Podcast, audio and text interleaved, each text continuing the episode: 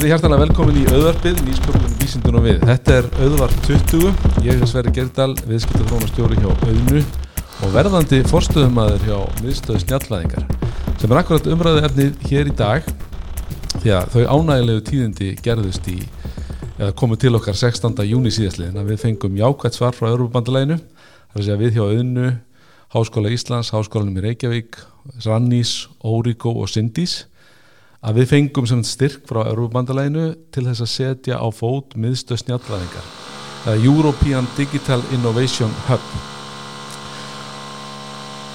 Og við erum að taka upp hérna 1. júli á föstudegi og það er verið að framkama hérna á hæðanum fyrir ofan. Ég var að vona að, að því að ég held, ég held að yfirna að menn verður farið til frí svona senta þegar á föstas eftirmiddegi að þeir verður að vinna sko 36 tíma. En það er eins og það er við vonum að þetta verði í minna lægi en allavega, við ætlum að ég er búin að fá hinga til minn góða gesti. Theodor Gíslason, tæknistjóra hjá Sindís og meðstofnanda eða meðeiganda og Helgu Vógei sem er sömulegis teknistjóri hjá Mobilitus og stopnandi og meðeigandi. Til þess að ræða hvað þetta er, hvað er miðstöð snjallvæðingar, hvað er snjallvæðing og hvernig getum við nýtt okkur þetta tækifæri á Íslandi til þess þá að íta hlutum áfram eða hafa áhrif og innviði eða, eða hvað þarf að gera. Verið hjertanlega velkomin, já má ég kalla þið Teddy? Teddy, já, já, já. Hjertanlega velkomin Teddy og Helga. Takk, takk. takk. Er ekki gaman, ég veit að þér finnst ofsalega gaman að koma ykkur og sko. Ég finnst alveg æði. Fyrir þannig að þessi læti hérna. Já, það er hérna, innrætta hæðina hérna fyrir ofan og he, ég sé Helgu hérna bara dag eftir dag núna. Já, ég er hérna alltaf. Þannig að þú ert að sækja í þetta svolítið. Já, já, já, mér svo, svo, bara svo gaman að sjá þig. Já, sömu leiðis. Það er svo skemmtilegt að hérna, við Helga eigum smá sögu, við erum æsku, eða pappar okkar voru æskuvinir. Yep. Já, þannig að við þekkjumst aðeins og, og líka skemmtileg tenginga að auðvart 19 fjallaði um tölvörgi og þar var Tetti Almari. Hann er komin í back to back, back, to back þátt eftir þátt en það er bara gott. En hvernig líst ykkur á það, miðstöð snjálfæðingar? Setja bara gegja ég er bara til hamingi og til hamingi með að vera fórstuðumæður er, er það fórstjóri eða fórstuðumæður? Sko, ef ég spyr einar þá segir hann ég sé fórstuðumæður en, en ef ég spyr eitthvað annar þá er ég, ég fórstuð CEO, er ekki, er ekki, er ekki töff Ég held að þetta sé bara jákvæmt og auðvitað er þetta náttúrulega gott að fá þessa tengingu við Evrópu Já. og hérna tímabær. Já. ég held að þetta sé bara, bara jákvæmt auðvitað náttúrulega að útskýra hvað þetta er. Já, já, við þurfum að, við þurfum að setja þetta á fót og, og láta þetta fara að gera eitthvað. En sko að því að þetta var með okkur í umsókninni þannig að þú veist nú aðeins um hvað þetta snýst. En, en, en, þú kannski minna Helga? Já, þú mátt kannski að, aðeins fara svona yfir hverju heldur markmið með, með þessu og, og af hverju erum við að stopna þetta og af hverju skiptir þetta máli? Já, takk fyrir það og hérna, því stakk við inn í hérna, en sko, Evrópa fór ekki eitthvað skonar innri greiningu og áttaði sig á því að, að Evrópa er kannski aðeins og eftir bæði bandaríkjónum og Asíu í snjallaðingu og eins og Evrópa gerur oft þegar þeir þurfa að, leggja línutnar í pólisíu að þá búa þeir til styrtarsjóð eða búa til sjóð sem þeir síðan veita peningur og með því stýra þróuninni eða leggja áherslur. Og þeir setja fót Digital Europe sem er 7,2 miljardar evra og hluti af þeim verkefni sem þar fari gegn er stopnun á EDIH eða European Digital Innovation Hub. Og þau, það, það verðar slíkar stopnarnir eða hubs í, í öllum Európa-löndunum og mörg í sumum hátt í 200 stykki. Og hugmyndin er þá að þetta verði einhvers konar miðstöð, einhvers konar suðupontur eða, eða já, svona klasamyndun ykkur á hverju svæði og já, sem hefur einhverja sérhæfingu til þess að hjálpa til við að stafvæða í sumum Európaríkjum. Við tókum okkur það bestalefi hérna á Íslandi að, að meta stöðu Íslands þannig að, að við verum búinir að stafvæða það er svolítið kannski ómikið að segja það en við erum allavega komin mjög langt í því. Það, allir innviðir eru nokkuð góðir. Það er tilfyllt af tölvugerfum og fólk notar internetið og, og, og við erum mjög vel tengt við erum held í nummer eitt í heiminum bara í tengingum. Á meðan að önnur Európulönd eru, eru komin skemur á veg þar sem að kannski verkefni snýst meirum að, að, að setja upp vefsölur eða, eða búa til ferla í tölfunni þannig að þetta er, svona, þetta er mjög svona vítt svið. Mm -hmm. og við svona mátum að þannig að, að við getum best nota þessa peninga til þess að stuðla að skrefinu þar fyrir aftan eða þar fyrir ofan. Að snjallvæða. Og þetta er svona áherslu punktarnir eru fjórir, það er test before invest og, og, og Teddy kom með svona tvist á því og kallaði það hack before invest það bara gaggrinn hugsun. Gaggrinn hugsun, endilega, bara koma með eitthvað nýtt og, og því að það er líka tölvur ekki kallar á það að, að, að þetta sé örugt Já, það er ekki, ekki nú að snjálfa að þú veist, þú þarfst að gera það eins örugt kostur er.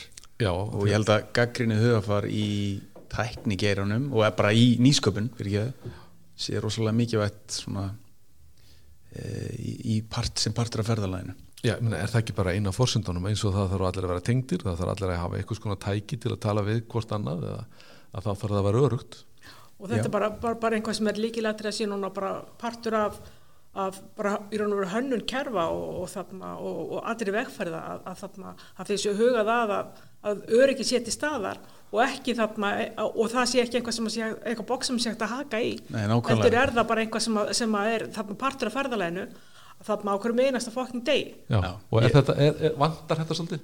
Ég ég er svo sammálaðið þessu og þú notar, notar orðið í lógin sem ég er alveg sammálaðið bara, eh, bara tölum íslensku. Já, að, ég held einmitt að þessu umsókn ykkar já. hafi verið að hitta á þessa línu að þetta sé tækifæri. Mm. Þetta er ekki sagt, hérna, og ekki bara öryggi heldur í raun og veru allt sem umsóknin næri yfir. Já. þessi tækifæri ekki og áskorun en ekki kvöð. Þannig að það svona, held ég að sé kjöti í þessar umsóknan eins og alltaf eins og ég sá hana fyrir hérna, Ísland. Já og mitt test before invest er, svo ég haldi aðeins áfram með það það er hugmyndi þá að búa til umhverfi fyrir lítil og meðalstór fyrirtæki sem hafa ekki tólin og tækin til þess að nýta sér gerfi eða tengslaniti eða, tengslaniti, eða, eða þekkingu.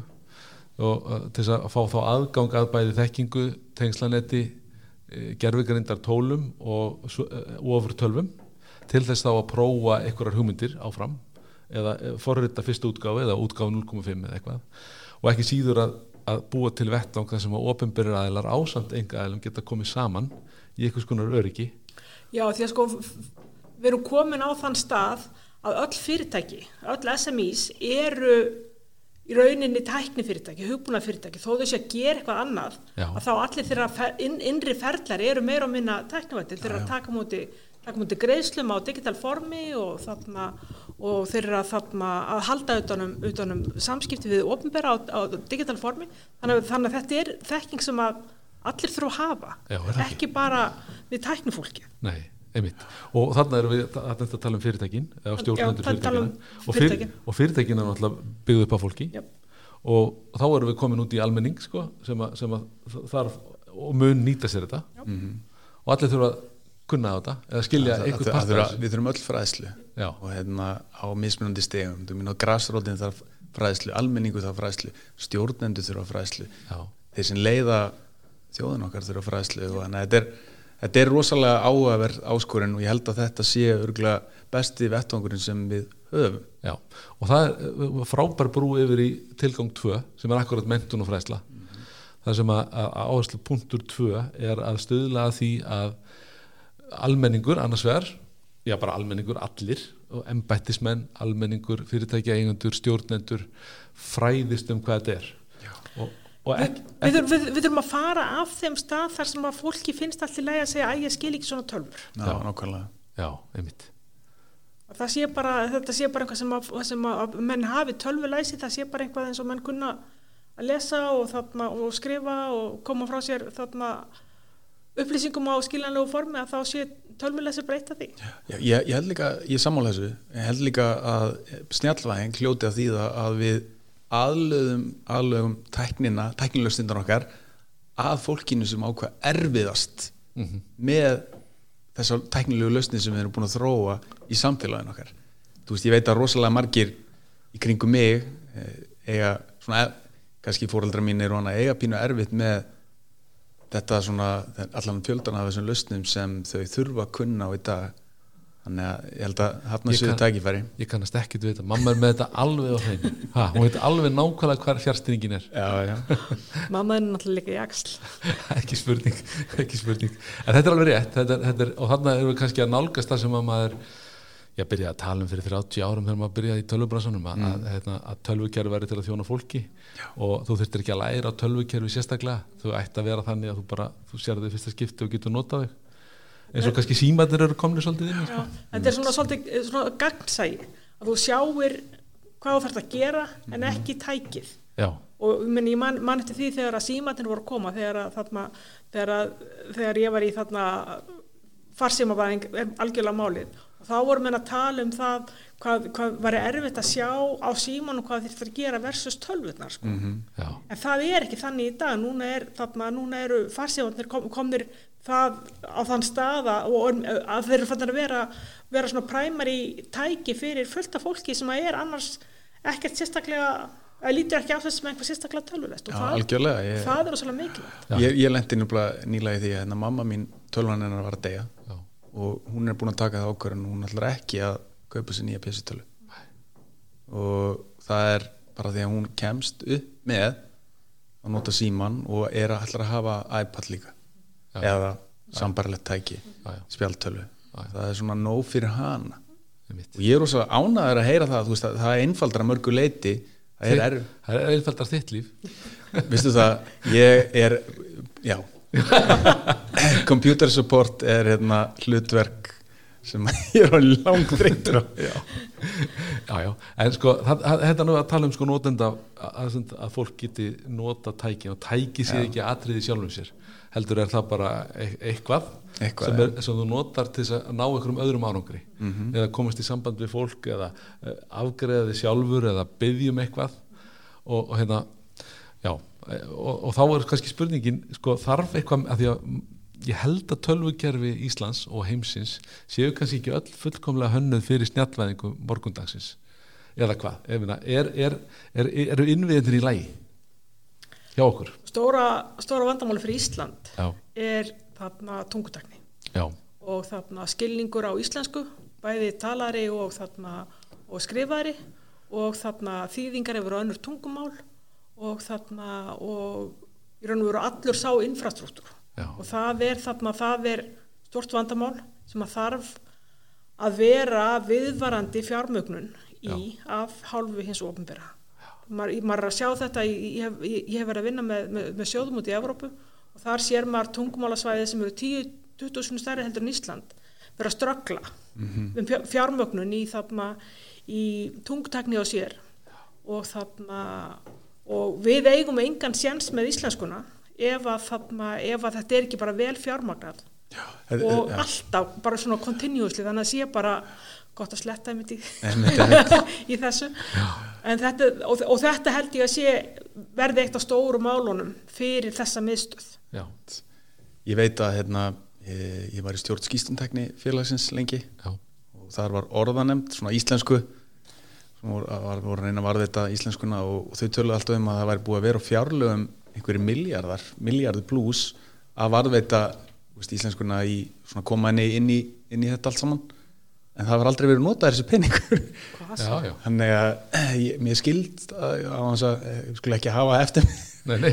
en að þetta sé búin að vera lengi í fjárlögum eitthvað svona en þetta hafi ekki verið notað eða nýtt af einhverjum ástæðum. Þú veit ekki nákvæmlega Já, allan ekki, ekki þá markvist og ekki þá kannski að í Nei, þetta en þetta er svo þart en, en ég líka, fyrir mig, mína parta er að maður finnur að við erum ekki komin sérstaklega langt þó að við sem komum fullt af rafrænum ferlum og stafrænum ferlum og allt það að þá, ring, ert með eitthvað sérstat vandamál deiliskypulasvandamál eða lóðavandamál og þú ringir í bæjarfélagið, ég býi hafna fyrir því að, að þá þarf þetta að tala við ákveðin aðila. Ef þú vilt fá einhverju þetta er ekki alveg nóg gott í svona snjallvæðingar heimi.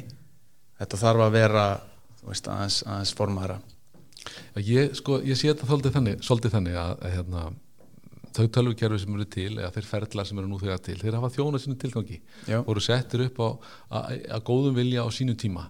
En þeir voru ekki settir upp og þessi kerfi voru ekki settir upp til þess að geta fungera fullkomlega í snjallvæðingu. Þar sem þú þarfst að hafa þetta betur lagskipt þú þarfst að skilgrana gögnin betur og þetta áttað á því hvað, hvað hluti af gögnunum eiga að fara út og hver eiga að fara inn og að þessu er rétt í alls konar tilgangi öðrum heldur en endilega þú ert að gera og þarna er kannski verk að vinna eða hvað Já, líka í talanúkjum eða alltaf að hafa þetta alltaf góður í íslensku Já, já. já, það er náttúrulega, sko, þú, þú, íslenskan er, er eitt, en síðan náttúrulega líka á aðgengi að ofnbjörgum gögnum í gegnum, gegnum mm -hmm. vel hannaða apa. Mm -hmm. uh, ég, ég bjó lengi í Portland í Bandaríkjónum og þar til dæmis kannski bara farið hann á vefsíðu og þú lappar hérna fram, fram hjá einhverjum byggingakrana og velti fyrir hvað er að gerast þarna og þá sástu bara hvernig húsi kemur til með að líta út, hvernig það verið tilbúið, hver verið framkvæmdaraðalinn öll ofnbjörg gögn sem láti til grundvallar deliskipulæginu og ákvöðinu á, á, á byggingarreitum hérna Ég, ég, ég held að þessu öll gögg sé til hérna heima. Ég, ég held að á þínum punktur varandi, þetta er allt til hér. Það er bara aðgengi er ekki nú gott. Þannig, Já og skilgrinningar og skipulag og, og mörg á milli kerfi eða gagna og, já, já, og fullt af þessum kerfum er eitthvað sem er til til auðvilt að búa til sem að einhver hefði gaman að því að búa til. Já, ég... við erum með háskóla þar sem fólk er alltaf að leta einhverjum verkefnum Ná, það eru öruglega til forreitsviðmót eða bara fyrir, hérna, fyrir mikið af þessu. Já. en við þurfum bara að nota þetta og Já. gera þetta aðgengilegra og sínilegra Þannig að líka komum við með góða punkt að því að það eru öruglega fullt af fólki sem er tilbúið að gera þetta eða bara fær fókus og fær kannski eitthvað fjármagn til þess. En þá er það undir okkur komið eða sem samfélag að leggja þá áherslu á það Mm -hmm. þannig að til dæmis eh, nýskofunarsjóðun ásmanna seti pening þarna frekar en einhver annar staðar og þannig að kannski erum er við að parti til er þetta kannski hlutverk miðstöðar snjálfæðingar að benda á mm -hmm. svona verkefni. Það gera þetta sínilega því að það að vera með einhver, einhver, einhver forrita skil á milli kerfisluta, það er eitthvað sem við skiljum ágætlega hérna inni Já. en er rosalega ósýnilegt og mm. þú veist það er engin borðið sem er hægt að klippa á Nei, og þarna og þú veist og ef þú opnar þetta í, í vafrániðinum og þá sér þú bara eitthvað, Já, eitthvað textaskjál sko sem að meikar einhver sérstaklega sens kannski. E, þannig að þetta er eitthvað sem, að, sem við getum, getum alveg auðveld, þetta myndur bæta mjög mikið að, að, með til dælu lítli vinn e, Eitt sem ég hérna, við sko, ég mjög sammála þessu. Íslandi er svona svolítið þannig að maður er auðvelt að tala um að fjármagna mm -hmm. Vist, svona, en svona í verki kannski ekki alveg eins auðvelt. Og hérna en ég held einmitt að þessi miðstöð og tengingi við þessa áallun Digital Europe þar munir koma fullt af verkefni já, já. og þetta eru verkefni sem fólk getur sótt pening. Fyr, þú veist fyrirtæki, hópar, samtök ég veit ekki með einstaklinga en, en hérna e, Þannig getur ranni, hann er Rannís einn á okkar samstagsæðalum veit allt um þetta og það er akkurat þau sem að þá byrja ábyrða því að skilja betur nákvæmlega hvaða kvöld er í gangi og allt það og okkar að miðla. Og hérna, en ég finnst bara svo áhugavert að því að sko, við erum að tala um svona það sem er undir hútinu núna sem er ekkert sérstaklega svona sínilegt og ekkert sérstaklega glamur ekki glamur í kringum þetta. En þetta er nöðsynlegt til þess einmitt að geta kert bíl og, og, og ljósinn breytist þegar þú kemur eða, eða, eða personalized medicine þú veist þar sem að þau verður að hjálpa eh, einstaklingunum út frá einhverjum nefnum sem er snjallvæðing. Mm -hmm. Já, já, eða alltaf líka láta tölvun að taka snjallar ákvarðanir þá verður náttúrulega þjálfaðir og þjálfa gögnin eða þú veist nýta gögnin sem eru til staðar En það er náttúrulega líka eitt sem það þarf að gera og það er að, að, að skilja hvaða hvaða kerfisviðmót þarna öll þessi snjalltæki sem við erum að nota mm -hmm. eru að nota bílafnir mm -hmm. úrin, símafnir og þetta allt saman þannig að, þannig að, þarna, að við séum að, að fýta upplýsingum inn í þessi, kerfi, þessi, þessi þarna, tæki sem að menn eru hvort sem er að nota Já. þannig að þarna, þú sért með þú sért með svo þarna Apple er með Apple Health það sem eru að sapna saman sjúkraupplýsingum og svona, svona lífgögnum um fólkum þarna en eftir því sem ég best veit, veit til er þá, er þá er ekkert íslenskt fyrirtæki að, að nota þessi viðmót til þess að fýta en upplýsingum. Þannig að, þannig að það er rosalega þarna, þart og gott og hægnitt kerfi sem að byllinni spjarkar mannslífum sem við erum ekkert að nota af því að, af því að þarna infrastruktúrun okkur stiðir ekki við infrastruktúrun herra og við, að, það, þú, við getum laga svona þá er þá búið að búa til þróun, þá búið að búa til tækin og okkar er bara að stingi samband já, já. og hann er hljóta, hljóta þú sem hugbúnamanniski og reikandi hugbúnafyrirtæki mm. hann er hljóta að vera alveg ótrúlega mörg tækifæri yep. í þessari snjallvæðingu allir og þessu, þessu lægi og ofan á yep. og líka búið til löstin sem geta hjálpa fólki og stuttu líður að, að verði betra yep. Ég held að ef við getum ekki verið sammála um þetta þá veit ég ekki hvað við getum verið sammála um. Já, já, en, þú veist, þetta er svo þetta áhuga- sé þart og Já, gott. sko, það er svo, er er gaman að taka umræðina frá þessari útopíu, það sem að allt er tengt allt er skinnvætt, allt er örugt þú hefur ré- aðgang að réttum upplýsingum og kerfin hjálpa þér bara þegar þú þarft á og því. enginn er að fylgjast með Já, já. enginn að fylgjast með þér, enginn hefur að haga því. Já, eða já. ef þú vilt að þá getur þú stjórnaði sjálfur. Allt þetta, þetta er, þetta er útopísk hugsun. Þetta er alveg eindislu hugsun. Já, og hann við að nýta okkur alla, þessa, alla þá þekkingu sem mannkinn hefur búið til hinga til og, og, og þróa þetta allt saman og það er alveg rétt og aðlæðin sem græða peninga og svo ekki hinnir og allt það, skiljiði? En, en sko, svo þarf að taka þessa útopíu og fara einu lagi neðar tveimur og þremur og finna verkefni sem þarf að vinna sem er ekkert sérstaklega svona ábyrrandi og það er stundum svolítið erfitt já, já. og fá fjármagn í það og fá fókus í það. En það er nöðsynlegt það er algjörlega nöðsilegt ég meina að góður vilji kemur þér ákveði langt já, og passion. En ekki allarleið ekki, ekki fyrir kerfisbreytingar. Ekki fyrir hluti sem hafa kannski raunveruleg samfélagslega áhrif. Ég held að duði ekki alveg til. Að, þú veist, yfirleitt. Já, svo, svo er líka að því að þetta er svo stórt að því að við erum að tala svona lá- svo mikið og utopíst og stórt um allt samfélagið og svona, það er stundum gott að brytja fílinn aðeins niður og, og við þurfum að byrja eitthvað staðar. Byrja eitthvað staðar og, og, og ma- manni finnst svona eins og ég heilbyrðistækni geti verið áhugavert eða hvað? Ég er, mjög- ég er mjög hrifin af því. Eina sem ég segja, því að ég er náttúrulega mjög umhugað um öryggismál er að bara meðhöndla gögnin varlega. Já, og, og persónugreinlega gögn ef þú þarft ekki að vinna með þau. Þetta er bara ákveð svona hvernig þú hugsar. Já, ef þú getur sloppið við að persónu gera eh, þetta inn á einstaklinga eða eitthvað annað að það, það hjálpar þér rosalega. Já, það dregur úr öllum áhrifum ef þú skildir lendi í atviki vegna þess að ekkert kerfi er 100% stöðrutt já, já. Og hérna, þannig að þetta er svona ákveð hugafar sem ég held að fræðslan einmitt sem þú myndist á áðan sé svona svolítið mikið að koma inn í að við hérna e, mentum fólki í því hvernig á að meðhundla þessi gögn okkar e, þannig að við takmörkum á þetta Já. Og þarna líka til að hjálpa þá er uh, skilst mér núna í smíðum á vettfangi Europabandalagsins AI Dir- Directive eða svona- svona regluverk um það mm -hmm. hvenar má nota gerfgrind menn er bara einfallega að fara að átta sig á því að, að stundum bara er ekkert sniðut að nota það. Það bara virkar ekki. Eða áhættan er ómikil ef að orða það frekar þannig. Að auðvitað virkar þetta í einhvern skilningi. Og þetta er svona þrýningur það sem að efst er bara bannað. Og svo neðst er það bara þú mátt að bara þessu, að velja næsta lag eða eitthvað sem er, skiptir í lengum máli. Er bara þægilegt. Og þetta, þetta þar aftur kallar á fræðslu hvar lendir verkefnið í þessum píramíta Já, já, ég meina algjörlega. Og þetta er bara, þú veist, eitt dæmi um þetta þú veist, þetta er bara í raun og veru fræðslu vandamál í raun og veru þegar maður horfir á þetta heilt yfir. Já, en uh, algjörlega nöðsynlegt að færa okkur í þessu átt sem þú varst að tala um að gera þessi gögn sem er verið að aflum okkur nú þegar gera þau aðgengileg í þau verkefni sem er að gera þetta á uppbyggilegan hátt. Þú veist, ég veit, ég veit að það er náttúrulega kannski svolítið huglægt en, en hérna e, allavegna þannig að við sem að nýta þetta samfélaginu vonandi til bóta Já, og samfélaginu líka, þú veist, eru veru einstaklinguna sem eiga Já. gögnin, sko. Og það, þá er nú talað um það svolítið fyrir nokkur mánu síðan, síðan hætti svo umræða alveg í raun og veru að það eru ein- einstaklingarnir sem eiga gögnin um sig mm -hmm. og þarna, og, og þú hefur í raun og veru rétt á því að sjá hvaða gögn eru til um þig.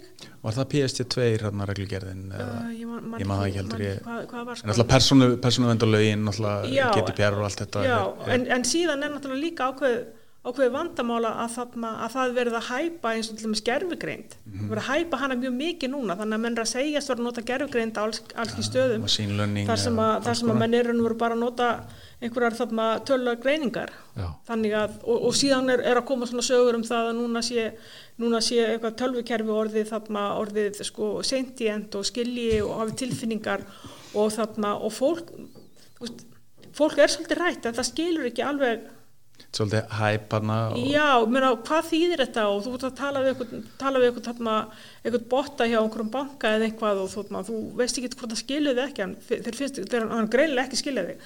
En, Já, nei, en þarna og, og það er líka svona þarna, þarna er vísvendandi verið að sko miðla raungum upplýsingum. Og þarna það er kannski líka einhvað sem er að gera að, að, að, að hjálpa fólki að skilja okkur hvenar, hvenar er verið að markasetja já, hvenar er bara verið að hæpa eitthvað og hvenar er, er verið að segja frá einhver sem, að- sem að raunverulega skipta máli? Algjörlega, ég, ég held einmitt eins og gerfugreind eins og hvernig þetta er líst í fjölmjölum þetta er meira að minna allt marka, markasetning eða marketing.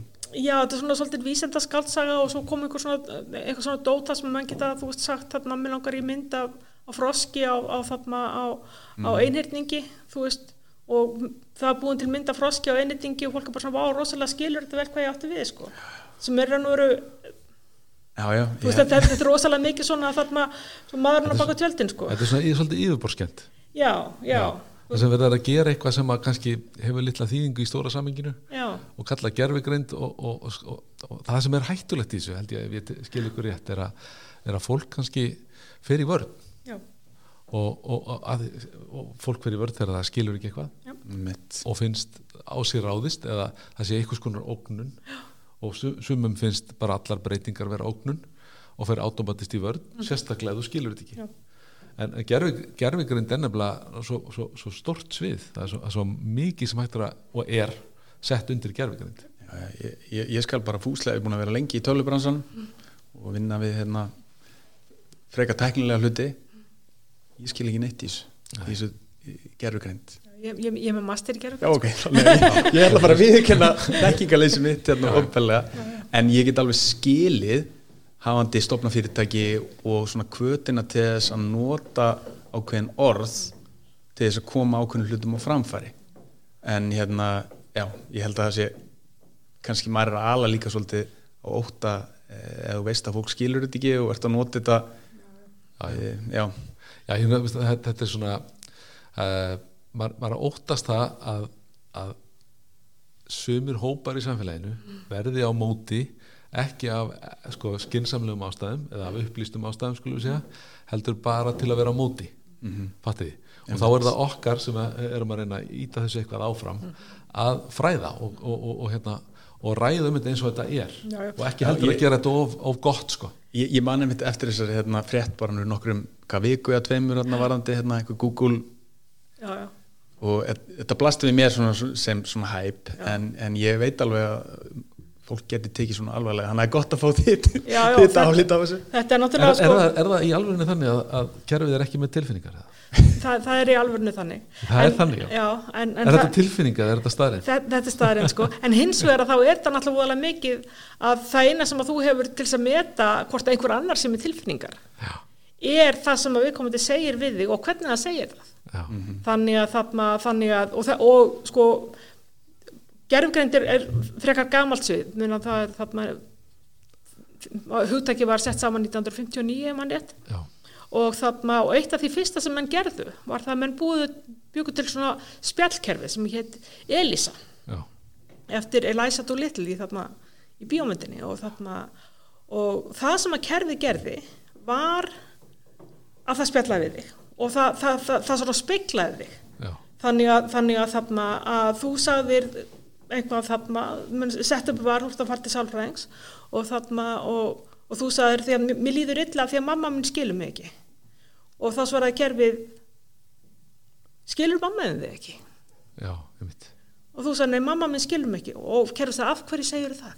Já, og þarna af því að hún svarar mér ekki þegar ég ringi já, hún svarar ekki þegar þú ringir já, mjög Þann- grindarlegt samtal. Þetta er mjög greindilegt samtal en, en það sem að það er að gera er það þarf að, þar að, að, þar að endurtaka það sem þú segir. Og það sem er, sem er vel þekkt þarna trikk í sölumensku og þarna og í svona tengslamyndun og, og, og öðru slíku. Þannig að, þannig að fólk, jafnvel fólk sem að vissi að þetta var tölvikerfi bað rannsakandanum að fara út úr herberginu meðan það var að spjalla við tölvikerfi að það var að ræða svo persónulega máli er þetta er ekki líka svolítið að fólk vill svolítið trúa stundum? Þannig að er tilbúið að hérna, vera ekki nógu gaggrinni kannski í, í ég meina út frá hverju á fólk að meta þetta? Þú veist, það er, þú veist, og- það er eitthvað sem við þurfum að velta fyrir okkur. Hvernig getum við hjálpa fólki að læra að meta munin á ég meina þú veist í raun og veru þetta er eins og að tala við sækopata Já, já. að þarna, að, sem, að, sem er líka í raun og veru herma eftir tilfinningum og, og, og lærið hegðun eftir því sem sem lærir að apa eftir hegðun. Að þá þarna að þá veistu, verður erfiðar að sk- að skilja þetta milli sko. emitt, emitt mér finnst líka, sko, líka svo áhugavert eh, þessi pæling að þetta er svona, þetta er svona bylting. Við kallum þetta stundum fjórðu innbyltinguna til að tengja þetta við þá þriði og, og, og, veist, og, og innbyltingin varð til þess að, að mörg störf hörfu og af því að það komu vélar og gerðu og færibönd sem gerðu hluti sem að fólk gerðu þurft að gera áður. Og þá voru menn mjög, og, og, og mjög hrætt við það af því að þá myndu þau missa vinnuna og missa lífsviðverði sitt. Og þetta er svolítið svipað en menn sjá einhvern veginn, ég veit ekki, kannski er bara því að maður er sjálfur í þessari bylting og var ekki hinni sko, Já, já. kannski hér maður dörris að því maður er inn í miðjum storminum. En þetta er eitthvað sem að manni finnst algjörlega augljóst að þegar eitt starf hverfur þá verður til annað sem er vonandi skemmtilegra eða betra eða þægilegra eða eitthvað. Já, já. Svo, og svo líka getur hlutinni farið í hináttina líka. Eitthvað sem var úrælt verður aftur. Þú veist bara eh, þú kemst, kemst að eitthvað var ekki eins og skíafæðing er svolítið þannig. Hún getur farið upp og niður eftir, eftir tíðarandunum og allt það sko en, en já, ég, ég meina þetta er bara svolítið þannig eins og þú segir. Já, En, en hafið þið tekið eftir að þarna að innbyltingarnar gerast hraðar og hraðar sko. Nú erum við þarna veist, það, það liðu sko mörg hundruð þúsundir ára það sem að sko, menn fundu upp landbúnað og svo liðu þúsundir ára þá kannski menn fundu upp sko innbyltinguna Já. en síðan erum við búin að lifa tvær já, nákvæmlega Þetta er svolítið skeri Já, en þannig að en maður heldur líka svona, ok, þarna er þessi snjallbylting sem við erum að upplega núna, er hún ekki bara framhald af tölvuvæðingunum? Jú, að- það má alveg færa rauk fyrir því sko. En þeir, þeir sem er að selja í þessum bransa, sem er að selja 5G og selja alla þess að skanna hérna, eða hérna, uh, hvað heitir þetta, nema sem þarf að setja upp allstaðar til þess að þetta virki vel að þeir, þeir, þeir vilja meina það að interneti hafi verið ákveðin bylting. Þetta sé tíu sinni meiri bylting eða stærðargróðu meiri bylting það er að segja 5G Já, já. af því að þetta getur haft svo mikil áhrif á daglegt líf miklu meira heldur en kannski tölvunar höfðu í upphafi. Þær höfðu svolítið svona gerðu bankana auðveldari að rekna dót og, og alls konar vísindi og dót sem þurft að rekna en núna er þetta komið nær svona bara deginum. Þetta veldur því að, að það er auðveldar að vestla það er auðveldar að, fá leifi til að gera eitthvað það er auðveldar að læra. Mm veist, bara miklu fleiri klukkutímar sem verða fyrir áhrif Já, og, og minni tími sem að fer í svona snatt í rauninni, sko. já og meiri tími sem í sko TikTok. Já, svo finnst mér það líka áhugavert að því að svo okkur frábært, við erum búin til eitthvað kerfi þar sem að við hefum miklu meiri frítíma. Já, já. og hvað ætlum við þá að gera við frítíma? Af því að við allavega þessi kynslu sem situr hérninni og kannski pluss mínus tvær þeirra ári í kringum okkur við svolítið skilgreinum, skilgreinum okkur eftir því sem við gerum. Já. Og ef við síðan erum að hætta að gera nokkuð skapaðan hlut, hvernig Já, ég, ég er allavega að finna þetta hjá börnunum mínum að ég er svona, það, það er auðvelt fyrir þau að fara í, í hérna, svona að loka sig af og festast í þessum stafræna heimi. Já, og hérna, og svo er það bara hversu duglegur maður er að koma þeim út og allt það, en, en þetta er svolítið skeri líka, en þú veist, ég, ég mér finnst alltaf bara gaman að pæli svona breytingum að það er auðvitað áskornir já, já. og hlutir sem við þurfum að kannski sem einstaklingar að, að þú veist átt okkur á að, að þú veist þetta er ekki fullkomið þó að við snjallvaðum allt og koma bara einhverju önnur mál eins og, eins og svona kannski. Já, ég, meðist, ég, ég las bóknu, ég man ekki svipin hvað hún heitir sem að var uh, síslumannsdóttir um aldamótin 1900-2000 sem bjó á Íslandi og, og, og var einhleip allt sitt líf og var sem því efstu lögum samfélagsins á Íslandi og, og skrifaði mikið af brefum og skrifaði brefum hvað var að gerast og þetta er á, mjög góð heimild og var búin til skáldsögumynda sem ég, hérna og þar hafði fólk af því að, að unga fólki á þeim tíma það fór bara inn í herbyggi og las bækur Já, já, og þetta voru bara skáldsögur já, já. þeir bara, bara heilu dagana sátu bara oh god, ég er búin að breytast í þessa manneski sem sagt. já, Það bara að lesa líi. já, já það er bara, þetta hafði enga praktiska þýðingu þau voru ekki að gera neitt að viti Nei, nei. og bara, um, hvernig, hvernig verður framtíðin með þetta fólk við stjórnvölin Já, og það þetta var 1900 og mér skilst að Sókrates hafi sagt þetta líka sko. Já, ok, þannig ég ætla bara, ég ætla bara þegar ég sé krakkana mína enn og aftur á TikTok og bara, og, þetta er bara framtíðin þetta er bara það sem verður Er að Já, En en það, það er náttúrulega öll áráttuhegðun er náttúrulega slæm sko, Já, þannig, að- hvað eru mörkin þar milli sko, Já, þetta er, þetta er eiginlega meira áratu hefðin heldur en hitt sko, en, en já, Já, en, en, en núverandi miðill, hann, hann kallar fram þessa hegðun Já. eins og aðri nýjur miðlar Já, hafa gert. já, já. Svo þurfum við að ná tökum á því. Já, maður getur líka alveg ímynd sér að, að, að hérna svona gerfigreindar reikniritt eða eitthvað slíkt þau myndur nú væntalega hafa reyna að búa til hluti eða snýða hlutuna þannig að fólk verður en vill ekki hætta Sko það er náttúrulega, það, það var rosalega móðins hérna fyrir kannski 20 árum síðan að, að búa til svona addictive systems Mhm, og já. þarna og, og social media er mjög góð dæmi um, um slík kerfi þar sem að þarna, þar sem að menn töluð mjög fjálglega um að sko með þetta hanna kerfi sem að, sem að stæðist tannbustaprófi sko sem, að, sem var svona þarna að þú þú tannbustaði fyrst og svo tekkar á þessu kerfi eða, eða öfugt sko Já. En núna held ég að flesti séu þeirra skoðunar að það sé nú kannski ekki endilega gott. Að þarna, þannig, að, þannig að þetta er náttúrulega bara þú minna eins og með annað. Þú, þú ert með viltavestrið og, þarna, og það er einhverju sem vilja taka það eins langt og þeir geta. Og síðan er það þeir sem eru aðeins hófsamar sem er svona ok, það er kannski ekki gott að, að vera með einhvað sem að höfða til spilafíkilsins innra með fólki. Já, já, já. þannig að þarna, þannig að það og, og, en við förum það er alveg saman hvað, hvað kemur nýtt að það er einhver sem fer þanga Þú veist, þá er fundinu bílar þá, þá komur bíladættu kallar þeir eru ennþá til. Þeir eru ennþá til sko. Ég þekki, eitt sem að kerði hvað var það, djúbabókum daginn og náði í, í tvö flög af Challenger. Og hann er sérstaklega verðmættur af því að hann er hérna, af því að það sést í serialnúmerinn á bodyinu og vélinni og einhverju einu öðru og á handbókinni og þetta sem er sami, þetta er eitt bíl en þetta verða samt búin til úr þrejum fjórum en þess, þetta virkar saman sko. hljómar eins og NFT eða eitthvað ég teki þetta tilbaka, þetta er greinilega lagast aldrei Nei, sumt, sumt laga, þetta er bara eitthvað innra með það Já. ég, ég held að þú veist, það er náttúrulega fáranlega mikið að tækifærum og við eigum að þú veist, nýta okkur þessi tækifæri við þurfum líka að vera meðvituð um eh, svona kannski varnaglana og hvar tæknin hefur sín takmörk eða hættur já, já. sem eru hérna Já, og þarna, sko, og þarna talandum við förum aðeins að- tilbaka aftur í miðstöðsnjallvæðingar á Ísland af því að e- það sem við settum fram í umsókninni varðandi sko sérhæfinguna á Íslandi því það verður bara ein miðstöðsnjallvæðingar á Íslandi á meðan það eru margar í öðrum löndum það var að við getum notað Ísland sem einhvers konar, og þetta er gamla hugmyndin hún hefur verið margóft sett fram um að Ísland væri svona einhvers konar testbed eða, eða svona tilruna staður og þá er það hugmyndin svo að hér sé stutt á milli manna og þó það sé mikið að gögnum á Íslandi þá eru þau mjög lítil miðan við annar staðar.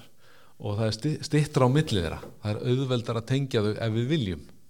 Og þá ef, ef ég sagt þetta, þannig fram að, að gagvart samstarfsæðalum okkar hugsanlegum í Evrópu að þau getur komið hingað að þau geta náðu sam, samkomulega við þá sem eiga gögnin og, og geta hjálpað ykkur. Og þau getur feilað fyrr. Það, það kemur fyrr í ljós að hugsunin hjá okkur er röng eða hugmyndin er ekki byggð á nógu sterkum rökum. Og þá getur við búið til nýja hugmynd eða uppfært hana og það er virði að feila fljótt. Já, mikið, mikið verið því Minna, þú veist, þú getur tekið mörg ár að rekast á vegg í Evrópu Já. sem tekið nokkra daga á Íslandi. Einmitt. og hérna, bara þetta held ég að sé mikið tækifæri. Já, og hérna, já, ekki, Ísland er ekki kannski eina landi sem getur búið upp á þetta en við erum eitt af mjög fáum já, sem hafa jafn svona þróaða innviði já, og tækni innviði þá. Og hérna, þannig að þetta er mjög töff. Já gæti verið gaman til þess að taka umferðin í Reykjavík fyrir og kannski já, bæta hana aðeins en sko þriðja, þriðja pillarið undir miðstöðsnjallæðingar er, er tengslamyndin það er að segja að búa til og það er þetta klassiska að búa til einhvers konar miðstöð þar sem að þekking hittist þar sem að þekking og einhver ákveðinu sviði hittist og hefur einhver, einhver ástæði til að tala saman. Og þá verður til meiri þekking og tengsl og það sem að menn hérna, tala um sín verkefni og einhver annar fyrir að tala um sín verkefni og, og þetta hefur sé, sjáum við strax í dag að það er að virka með því að fara í gegnum umsóknarferli þá sjáum við að gerfigrindar menninir í HR og gerfigrindar menninir í HI þeir eru fannir að tala saman betur þeir vissi ekki alveg nákvæmlega hver, hver var að gera sko. og þó að við séum fá þá eru stundum líka svona barjars á milli En það sem er skemmtilegt einmitt við gerfugreindina og þarna og, og tengist þessu, þessu beinta er í raun og veru að, þarna, að það veri e- svið sem að tengist enn mjög mörg önnur svið Já. Þannig að, þarna, þannig að þú ert ofta að vinna með fólki sem að, sem að er passjónandi með eitthvað sem þú var aldrei velt fyrir þér. Þú veist, fyrsta skipti sem ég hitti Eirik Röggvaldsson þegar ágæta valvísutumann að þarna að þá þá var það mjög bara mjög ákafur þegar við fórum að tala um sagnorð Já. og ég hef aldrei áður hitt mann sem var svona passir um sagnorð. Og, þarna, og mér fannst það æðislegt. Já, já, og þarna, það að nördar í öllum hótnum það, það er nördar allstar og, þarna, og nördar allra sviða saminist og, þarna, og saminist Já, bara hér, já, er þetta ekki bara slagorði nördar saminist já, undir mistu snjallæðingar Já. ég, sko, við, til að taka undir þetta við vorum á rástefnu um, um hérna, tækniðufæslu og þar var verið að tala um engalegu og þróun á engalegum og, og, og ég, fór á alla fyrirlestra sem voru eitthvað með gerfigreind eða eitthvað slíkt sko. Og það er algjörlega augljóst trend að gerfigreind gerfi, eða umsóknur um engalefi sem inni heldur gerfigreind með einhverjum hætti eru bara eins og hockeystick.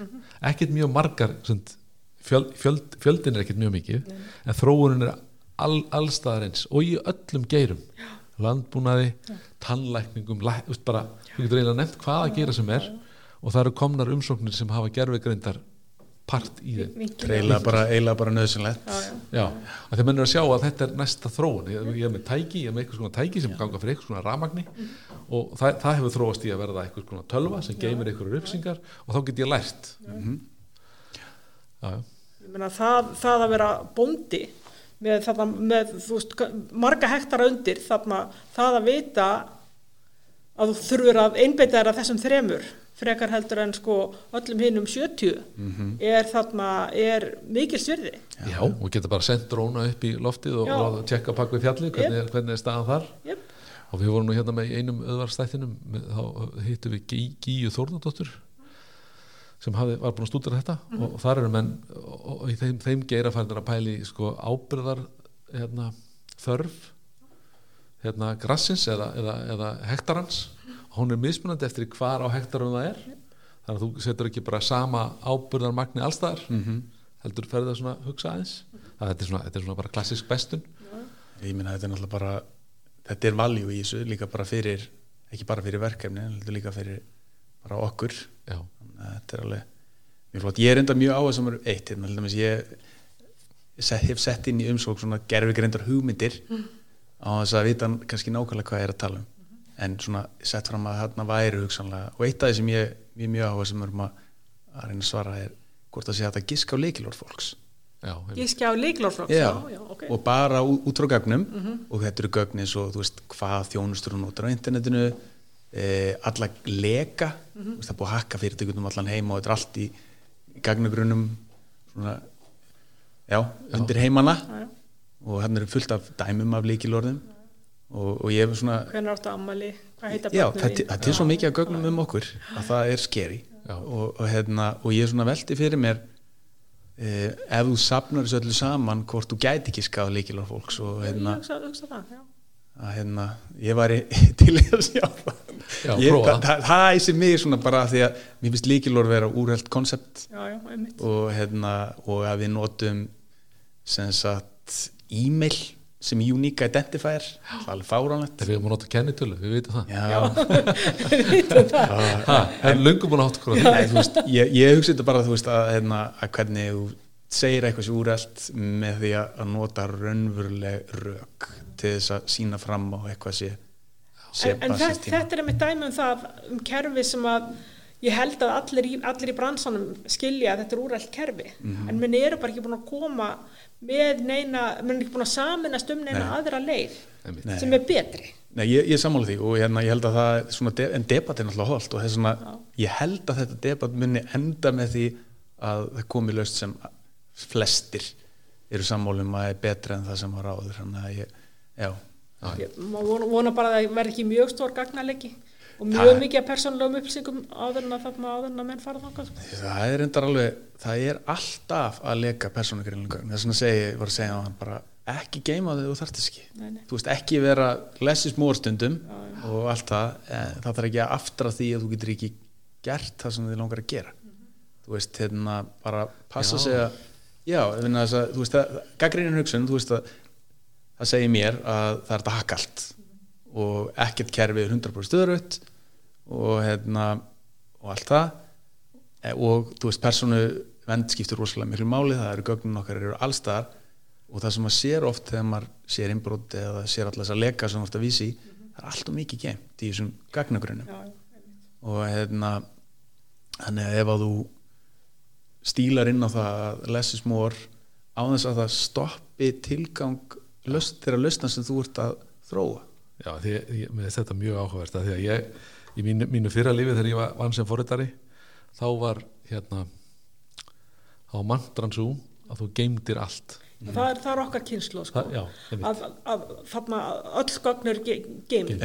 Og mér fannst mér fannst rosalega skrítið þegar að þarna þegar Snapchat kom. Já, og þarna og megin fítusin var þetta, þeir geimaði þetta ekki þetta geimdi þetta síðan en, þarna, en það var, en það Já, var svona þá- megin fítusin þetta glindist og krakkandi voru svona jei, já, það var virðið í sjálfu sér sko. já það var og, og, og, og það, þetta, þetta var bara svona erfitt að aflæra þetta. Algjörlega. A- a- algjörlega og, og í tilfelli Snapchat sem dæmi eða þessi sem er að senda vídeo og annað, það er þeirra vara veist, það er, en ég, þú veist, allar aðra upplýsingar sem segja að geima, það er kannski ekki nöðsynlegt þannig að, þú veist, hvað er svona core business nöðsyn og hérna annað er e, hvað heitir það? Þess að redundant. Það er bara, já, og ég held líka að þú far betri hugbúnahóturs ég, ég held Já, það, klálega. sko. Já. ég, ég, þetta var svona ákveðið svona við vöknuðum, ég var í fjármálageranum þegar, þegar þetta var og, og við geymdum all, öll gögn og allar uppsingar og ég var að vinna í lánakerfi og, og svo var búið að ge, eh, borga lánið upp. Við eittum aldrei láninu það var bara mert sem uppgreitt. Og svo kom hérna, Sorban Oxley tilskipun í bandaríkjónum sem sagði að þú mátt ekki eiga gögn eftir sjö ár. Já. á meðan að í íslensku bókaldslögin voru þú verður að eiga gögn í að minnstakosti sjö ár það þýtti að öll gögn voru til alltaf ef þú varst með í tölvukerum þetta voru bara á- átt í rauninu bara við skjöla því að það fyllt ykkur að skápa þá þurfti að fara einu svona ára að henda. En þarna breyttist allt í henni bara í einum vettfangi breyttist fókusinn og allt í henni áttuðum menn segja á því er það er betra að eyða þeim af því að þá er ég ekki ábyrgur fyrir að hafa átt gögnin ef ég tek ákvörðun sem ég gæti hafa að nota gögnin í skilur, þannig að þetta var, var þessi snúi við. Og það er svolítið til að taka undir það sem þú ert að segja að það er kannski bara betra að eiga þetta ekki. Já, ég meina, þú veist, ef að, ef að þitt mission er að eiga öll gögn að þá er það bara þitt mission og hérna, ég get ekki ímynda mér annað en að þessi stóru fyrirtæki út í heimi, þau vilja byrja nánast að eiga allt. En, en hérna, kannski er það að minka Já. ég er bara að segja, ef ég væri að fara að gera eitthvað nýtt í dag, ég myndi reyna að hugsa til framtíðar og segja, hvað þarf ég? Já, ekkert annað og reyna að lámarka e, af því að þetta mun bara aukast þessar sáttpassauksli er bara eitt dæmi, Já. GDPR kemur svo núna fyrir nokkrum árum síðan, það mun örgulega koma eitthvað meira, við tala nú ekki um gerfigreindar löggjöf sem er örgulega handað við Og þarna, en það er eins og bandarík stórfyrirtæki þau eru mjög mikið farin að gera það að, að, að tölvupóst eru bara gemdur í 30 daga og þá eyðist hann sjálfkrafa. Vá, ok. og það eru þau meðal hans að gera til þess að stoppa lögsóknir. Einmitt að þannig að, þarna, þannig að það sé ekki hægt að þannig að það sé ekkert sko þarna engin tölvupóstur til sem að virkar tímalega um það hvort að einhver ákvörðun var tekin eða hvort einhver vissi þetta eitthvað. Þeir, þeir geti bara sagt og, og, og þeir geti sagt með góðri samvinsku við vitum þetta ekki, gögnun er ekki til lengur. Já, það var ekki að því fór sérstaklega inn og eitt, eitt í Nei, þessu gagni, nei. heldur er þetta bara pólisía þetta er pólisí að við eigðum öllum gögnum eftir þarna ákveðin tíma og, þarna, og það er gert til þess að, að spara í raun og veru þarna, þú, þú ert ekki að fara í, í, í mál við stórfyrirtæki út af einhver sem gerist fyrir þremur árum síðan þegar þú veist að þeir segja að við eigum ekki gögn. En hvað er maður með sjálfum afrita það svolítið Já, já, það er þarna, þú veist, þegar tölvikerfi eru þannig sett upp að þarna, að þe- þessu er eitt allstaðar, sko. já, já. Það að þú sem viðtakandi, að þú veist að þá þarf að fara að draga þá til hverjir hef, hefðu hugsalega kannski fengið þarna afrita af þessum posti. einmitt, einmitt, einmitt. Mjög ignorance, áhugavert. ignorance is bliss Ignorance is bliss. já, í tengdum heimi.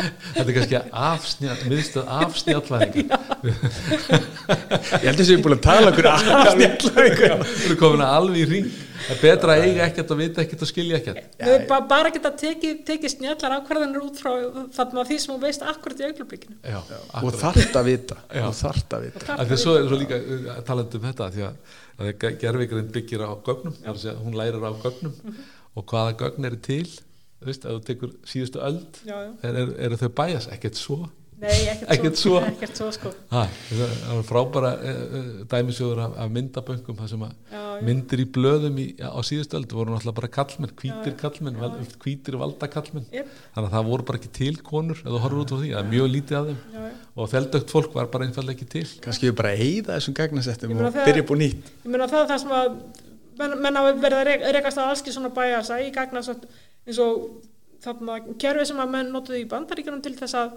til þess að velja starfsfólk og, og svo, svo, hvað þetta borgaði laun að það stakk upp á að konur fyrir 20% læri launendur kallara því að og það var bara, gogni síndu það. Já, og það virkaði, og þarna, það voru konur að vinna og þar fengu þetta já, já. Þannig að það varstu bara svona reinforcing the status quo. Já, einmitt. En síðan eru líka svona bæja sem að menn verið hvernig kemur eins og bara núna nýlega þá kom, kom frétta þarna að, að gerfugrændakerfi sem var notað til að skoða rönganmyndir þekkti húðlit fólks og menn veit ekkert hvað af, menn, menn er eftir að koma staði af hverju það er og menn er að skoða það núna sko. En hvort það sé einhver tröf, tröflun í myndinni eða hvort að, hvort að þarna pixelna sé einhvern öðruvísi eða eitthvað. Það hlýtur að vera kannski húliturinn hefur áhrif á endurvarpið á, á hérna, geislunum. Það- þú ert að giska alveg eins og þeir sko. Já, já.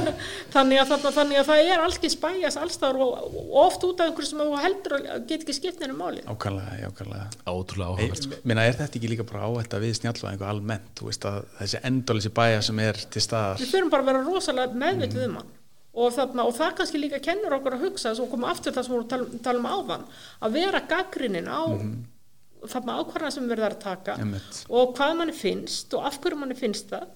Ekki bara út af þarna út af kerfunum heldur bara út af samfélaginu og bara Já. okkur sjálfum. Og þá er kannski, kannski niðurstaðan væri þá svo að, að við erum að nota kerfin okkur til framdráttar og til hjálpar. Já.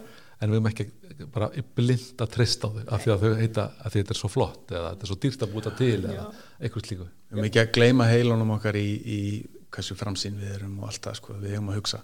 Já, ekki hætta því þótt að komi tölva og hugsi með nei, okkur. nei, en maður á hins vegar ekki vera nei, alltaf, þú veist maður á bara eh, koma með sína skoðun og sitt sjónamið á framfæri og Já, já. taka debati og vona að já, að skynnseminn muni leiða okkur að góðan áfangastað Já, en maður, maður, ef þú segir ekki neitt að það voru þeir sem að segja þeir sem taka ákvörðunina.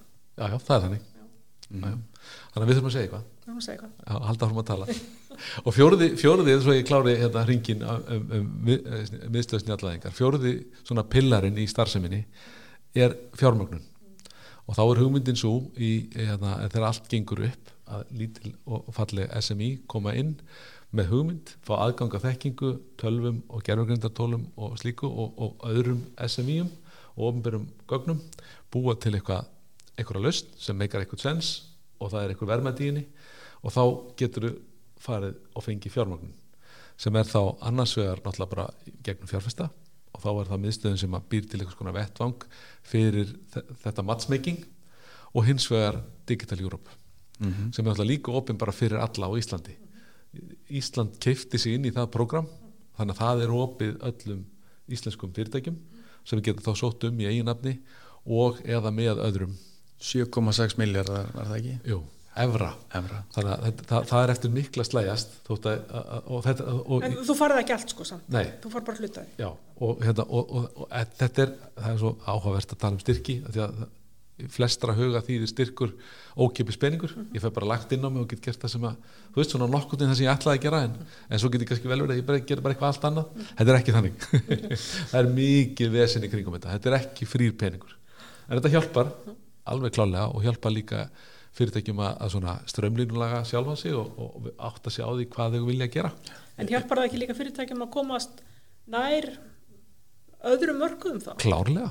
Og, rosa mikilvægt fyrir Íslands og, og fyrirtæki. partnera, ég held að, ég held að einmitt af því að Ísland er að, að mun mæntilega taka þátt í e, samstarfi milli þessara miðstöðva já, að þegar þú markasetur Ísland sem testbed já, að þarna vill, vilja verkefni partnera með okkur. Já, það er nú þegar komið í ljós. Við erum nú þegar komið með sko, fyrirspurnina sem að, hérna, vil, menn vilja tengjast og þetta geti verið í báðar áttir. Og hérna, þannig að ég held að sútengslamyndun sé, sé mjög mikilvæg og, og auk þess að, að fólk átt sig á því að, að fjármögnunin sem umræða er hún er öðruvísi en við erum kannski möðuninn á Íslandi. Mm svona almennt. Úr okkar svona reyndar þó ég minnst rannís alveg frábært. Já, að þá náttúrulega ég höfu bara úr á takmörku að móða þanniglega sko. Já, og eins og Helga bent á þá er þetta oft gert í samstarfi við aðila í öðrum löndum sem þýðir að það verður til tengsl automatist bara í gegnum verkefni og þau verða, eru sterk gengur Ef vel stundum. gengur, já. þá það, það er dæmum að kannski gangi ekki alltaf mjög vel en Já, já, já, auðvitað gerir bara. En síðan er það líka annað sem að, sem að er, er mikilvægt í tengslu við svona styrki að að, að það er mjög algengt að komi annar peningur til fyrirtækjana í framhald af styrkveitinga. Að þú ert búin að fá þarna ákveði validation algjörlega, frá einhvernum sem eru meintir sérfræðingar þarna, sem, e, e, e, fólk sem hefur verið valið til þess að meta, þarna, meta þetta prógram það kemst ekki í gegnum að fara í gegnum þannig að gegnum þú, ert, þú ert komið með ákveðin gæðastimpil og fjárfestar þarna eru fúsari til þess að setja pening í Í slík kjölfar verkefni, styrkveitinga. í, í kjölfar styrkveitinga. Algjörlega. Ég, ég veit, ég þekki, þekki kannski Európa ekki eins mikið en og ég veit að það tekið mjög alvarlega eins og, eins og, eins og þú þekkir sér en hérna, hérna í ranni sem alltaf færa þið takir þetta mjög alvarlega. Þetta er hérna þetta er ekkit eitthvað bara sem er bara handahóskendar ákvarðanir. Þetta er í raun og verið fyrir gegnum góða rýni myndi ég halda og þetta validation er svo mikilvægt. Maður finnur það líka bara á einn skinni hafandi sett inn svona styrksumsóknir hérna í teknið þróunasjóði er að þú eru færð þessa staðfestingu á hugmyndin að, að þú er búin að ná að verja hana. Já, já, að, og, og ná að samfæra einhverja um virði hennar að þessi, þessi umræði kjölfæri eins og með fjárfæstumann hún verður miklu öðveldari og sterkari. Já, já. ég veit að sjóðars mjög mikið verið að vinna með út í Brussel sem heitir Eurostars að þar held ég að, að þeir hafi sagt að ein króna, króna er að draga til sín fjórar já, í fjármagnum sko. þannig að þeir hafa skoðað þetta sérstaklega hvað, hvað, hvað þarna, fjármagn kemur inn í þessi fyrirtæki sem að, sem að þau eru að styrkja. Og það er þannig að, þarna, þannig að þú farið, farið þarna 50 miljónir þar já. og þarna og farið þá 150 miljónir ekstra annars það þetta er alveg ótrúlegt að skulle hafa sett og ég veit þetta er nú búin að búa til ákveðin bæja sér haustum á mér en, en hérna ég þekki til eins fyrirtækis sem var að fá 50 miljón krónar vakstastyrk nýlega. Og hálfa ár eftir það 200 miljónir Já. frá bara staðfest, fjárfesti bara staðfest. Já. þannig að staðfest að það, að það er bara og, og það, það, það er bara meðaltali sko. já, það er uh, super áhugavert En svona til að ná þessu saman í restina hva, hvað ætti að vera fyrsta verkefni miðstöðar snjállaðingar og, og kannski og þá í kjölfarið svona, sem hefði einhver samfélagslega áhrif á Íslandi við erum að tala um næstu þrjú árin ég byrja á þér þetta að að, Mér langar að spyrja þig. Sko, sko, ég, ég- ég er með veist, það sem ég kannski hef mestan áhuga á er það sem er svolítið inn í umsókninni og, og það sem ég rættum kannski seinasta laðvarpið hana Þú veist, ég er á því að, að við verðum að menta já, veist, almenning og ekki síst verkfræði menta fólk Já. eða tölunafræði raungreina fólk sem er að meðandla allir þessi gögn okkar um hættur já, og að þau læri betur þessu gaggrínu hugsun. Alveg frá upphafi. Alveg frá upphafi. Og ég er að tala um þú veist hérna og það eru alls konar verkefni. Þú er það sem kannski ég já, ég- hef mestan áhuga á og og mér langar til að taka þessa hugsun og segja ok, algjörlega sammálaðir. Og segja síðan við þurfum líka að menta sko fólkið okkar sem er í, í embættum, já, dómara, lögfræðinga lögreglumenn, kennara sem hafa áhrif síðan út í samfélagið. Já. Kjör, Og- kjörna Er, það ekki þá bara þú veist að bara að auka fræðsluna þú veist ég held að við við erum búin í teknikerunum forever. Já, já. að við vitum þetta alveg þú veist hérna Já, sko, já, við, við, við vitum allan að parta því en, og við getum örgulega líka uppfært okkur alltaf en þess, það, það er fólk sem er að höndla með líf eða höndla með peninga sem að, það, það þarf að vita betur um, um hvað þetta snýst þess að bara taka einfallega betri ákvarðan nákvæmlega ég og svo alveg, alveg niður til almenning sem, að, sem er bara að hugsa um býtu, er, er vinnan mína, mína er, er, er þetta alltaf breytast, Hva, hvað á ég að gera? Að, að, að það sé framhald. Einmitt. Já, ég, ég, ég sammála því. Þú veist, bara fræðsla er held ég nummer 1, 2 og 3 fyrir mig bara, bara ég kalli þetta örgisvitund já, já, og þú getur kallað þetta snjallvitund. Já, og hérna, ég veit ekki hvernig, hvernig hérna, nákvæmlega best að byrja en bara með krafti já á með þessu sviði, sko, það myndi ég segja að væri Mér langar svo að heyra samæðilegt hvort að þú hefur eitthvað pælingar þessu. Þá út frá hugbúna að gera hana því að Já. mér finnst það svo augljóst að það eru mörg tækifærið hana Það er og veru tvent sem mér finnst vera líkilatrið. Það er annars vegar þarna aðgengja gögnum, aðgengja opnum gögnum og þarna og við erum verið að búa til öll þessi millistykki þar sem að þarna, þar sem að gögn sem eru til einhver staðar eru, eru sett fram þannig að, þannig að já, tæknifólk getur nýtt þau til þess að gera alls konar sniðut og hins vegar íslenskan, þarna tungutækni. Að, þarna, að það sé ljóst að, að þarna að, að tæknileg, tæknilegur stuðningur við íslensku sé einhvað sem sé ongoing verkefni. Já, vel fjármagnað og þarna og alltaf, ekki, ekki svona þarna að það sé, sé komið einhver, einhverja sex mánuðir sem að menn viti ekki hvort að þeir fái peninga eða neitt svoleiðis, þetta sé bara ljóst að þeir sem eru að vinna í þessu geti verið að vinna í þessu. Að, að, því, að, þeir- þurfa augljóslega mikið meira, me- meira atvinnuður ekki heldur en almenningur sem heldur fólki þeir missi sína. Góður, góður punktur. En það er alltaf að því að þú ert, að reyna, þú ert þá í raunin að segja að eina forsendum snjallvæðingar er að við getum haft samskipti við tækin og, og til þess að gæta einhvers konar jafnræðis meðal fólks á Íslandi þá þurfum við að geta náta íslensku ásamt náttúrulega ensku og alls konar öðrum tungumálum. en það, það er bara betri stuðningur við ennsku og pólsku og spænsku Já. en íslensku. Þannig að já, já, íslenska, dag, íslenska þarna er þarna, í, þarna öðrum eða þriðja flokki í þarna stuðningi við tungumál. Mhm. Já. Veist, það er ekki inn í þessum libraríum sem menn er að nota í allskins önnur tungutaknaverkefni það er ekki verið að steyðja þetta í svona masínlörning tólum sem menn er að nota í alls konar. Já, og þannig að við þurfum bara að koma í þangað. Já, Ég held að það ákveðin tímpúti verður ekki hægt að ná tilbaka þú veist það sem markaðurinn er komin á undan. Það er nákvæmlega sko og þannig, að, þannig að og ég veit að menn er að vinna í því en þetta finnst mér vera enn eitt verkfærið sem við höfum til þess að styðja við það. Og hins vegar er þá í raun og veru aftur samskipt á öðru, öðru formi að, að þessi stafræni aðgangur að ofnbörum gögnum. Já, okkur öllum til hagsbúta já svo að enga gerin eða hugbúnaði fyrirtækin geti nota gögnin Já. og búið til tól sem að eru þá og líka þannig að þessi gögn passi inn í kerfi sem að þegar eru til Já. kerfi sem við þegar að nota já, en bara skilji ekki okkar gögn. Einmitt. Og það, er einmitt þarna eftir að vísa í Apple. Þannig er við sem vísa í applir, vísa, vísa í þarna, í þarna sjálfkerrandi bíla Já. eða svona bíla með svona autopilota. Já, og þarna allskinn skinjara og dót sem að menn er að setja upp en svona hálf virka bara af því að, þarna, af því að það er ekki til gagna ströymar fyrir þetta. já. Þetta er frábært þannig að Svolítið að normalisera þetta Já, íslensku hérna, gögnin okkar. Já, nota staðla. og við ættum að, með, með, með að við hugsunum að, að Ísland sé testbett þá ættum við að, að því að vantarlega svipu stað annar staðar myndi ég halda hans að vita það. Og þá ættum við að gera þetta fyrst hér að því að það er auðveldra út frá testbett pælingunni ætti að vera það, en náttúrulega tungumál er ekkit auðvöld Nei, ég er meina, ég er meina, ég meina gögnin sko, Já, já, gögnin. já. en, en tungumálið er, er náttúrulega bara jafn erfitt væntalega íslenskan eins og hvert annað tungumál. Já, nei, íslenska er raun og veru hendur raun og veru ágætlega til sko tungutakni, svo merkilegt sem það er af því að þetta er þarna germans mál það er með mjög, þarna, mjög svona fastmótaðan setningarstrúttur þarna það langt á milli hljóða þannig að þarna, það eru ákveðnar áherslur þannig að áherslunar í setningunni eru á mjög ákveðin máta. Þannig að, þarna, þannig að, að það er ekkert í íslenskunni sem að segja það er erfitt að að, þarna, að, að nota hana í tölvum nema bara það að við erum bara búin að setja rosalega litla vinnu í það.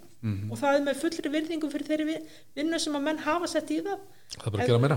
en, þarna, en, en það að, að, að, að 10-50 manns ég búin að vera að vinna í, í þessu í sko 10-15 ár er bara dróp í hafið með það sem menn er búin að setja í, í önnur tungumál. Algjörlega.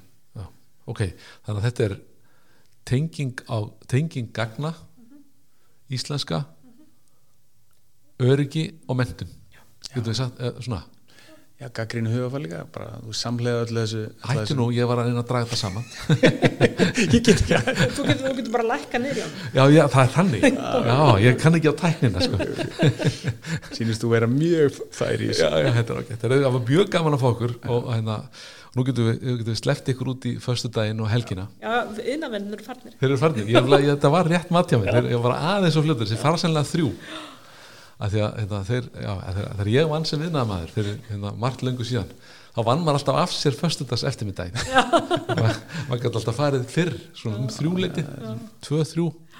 En ok, tak, takk kjælega fyrir komuna Helga og Tetti Takk fyrir af okkur. Æðislegt, takk. Bara takk fyrir. Þetta var gott auðvarp.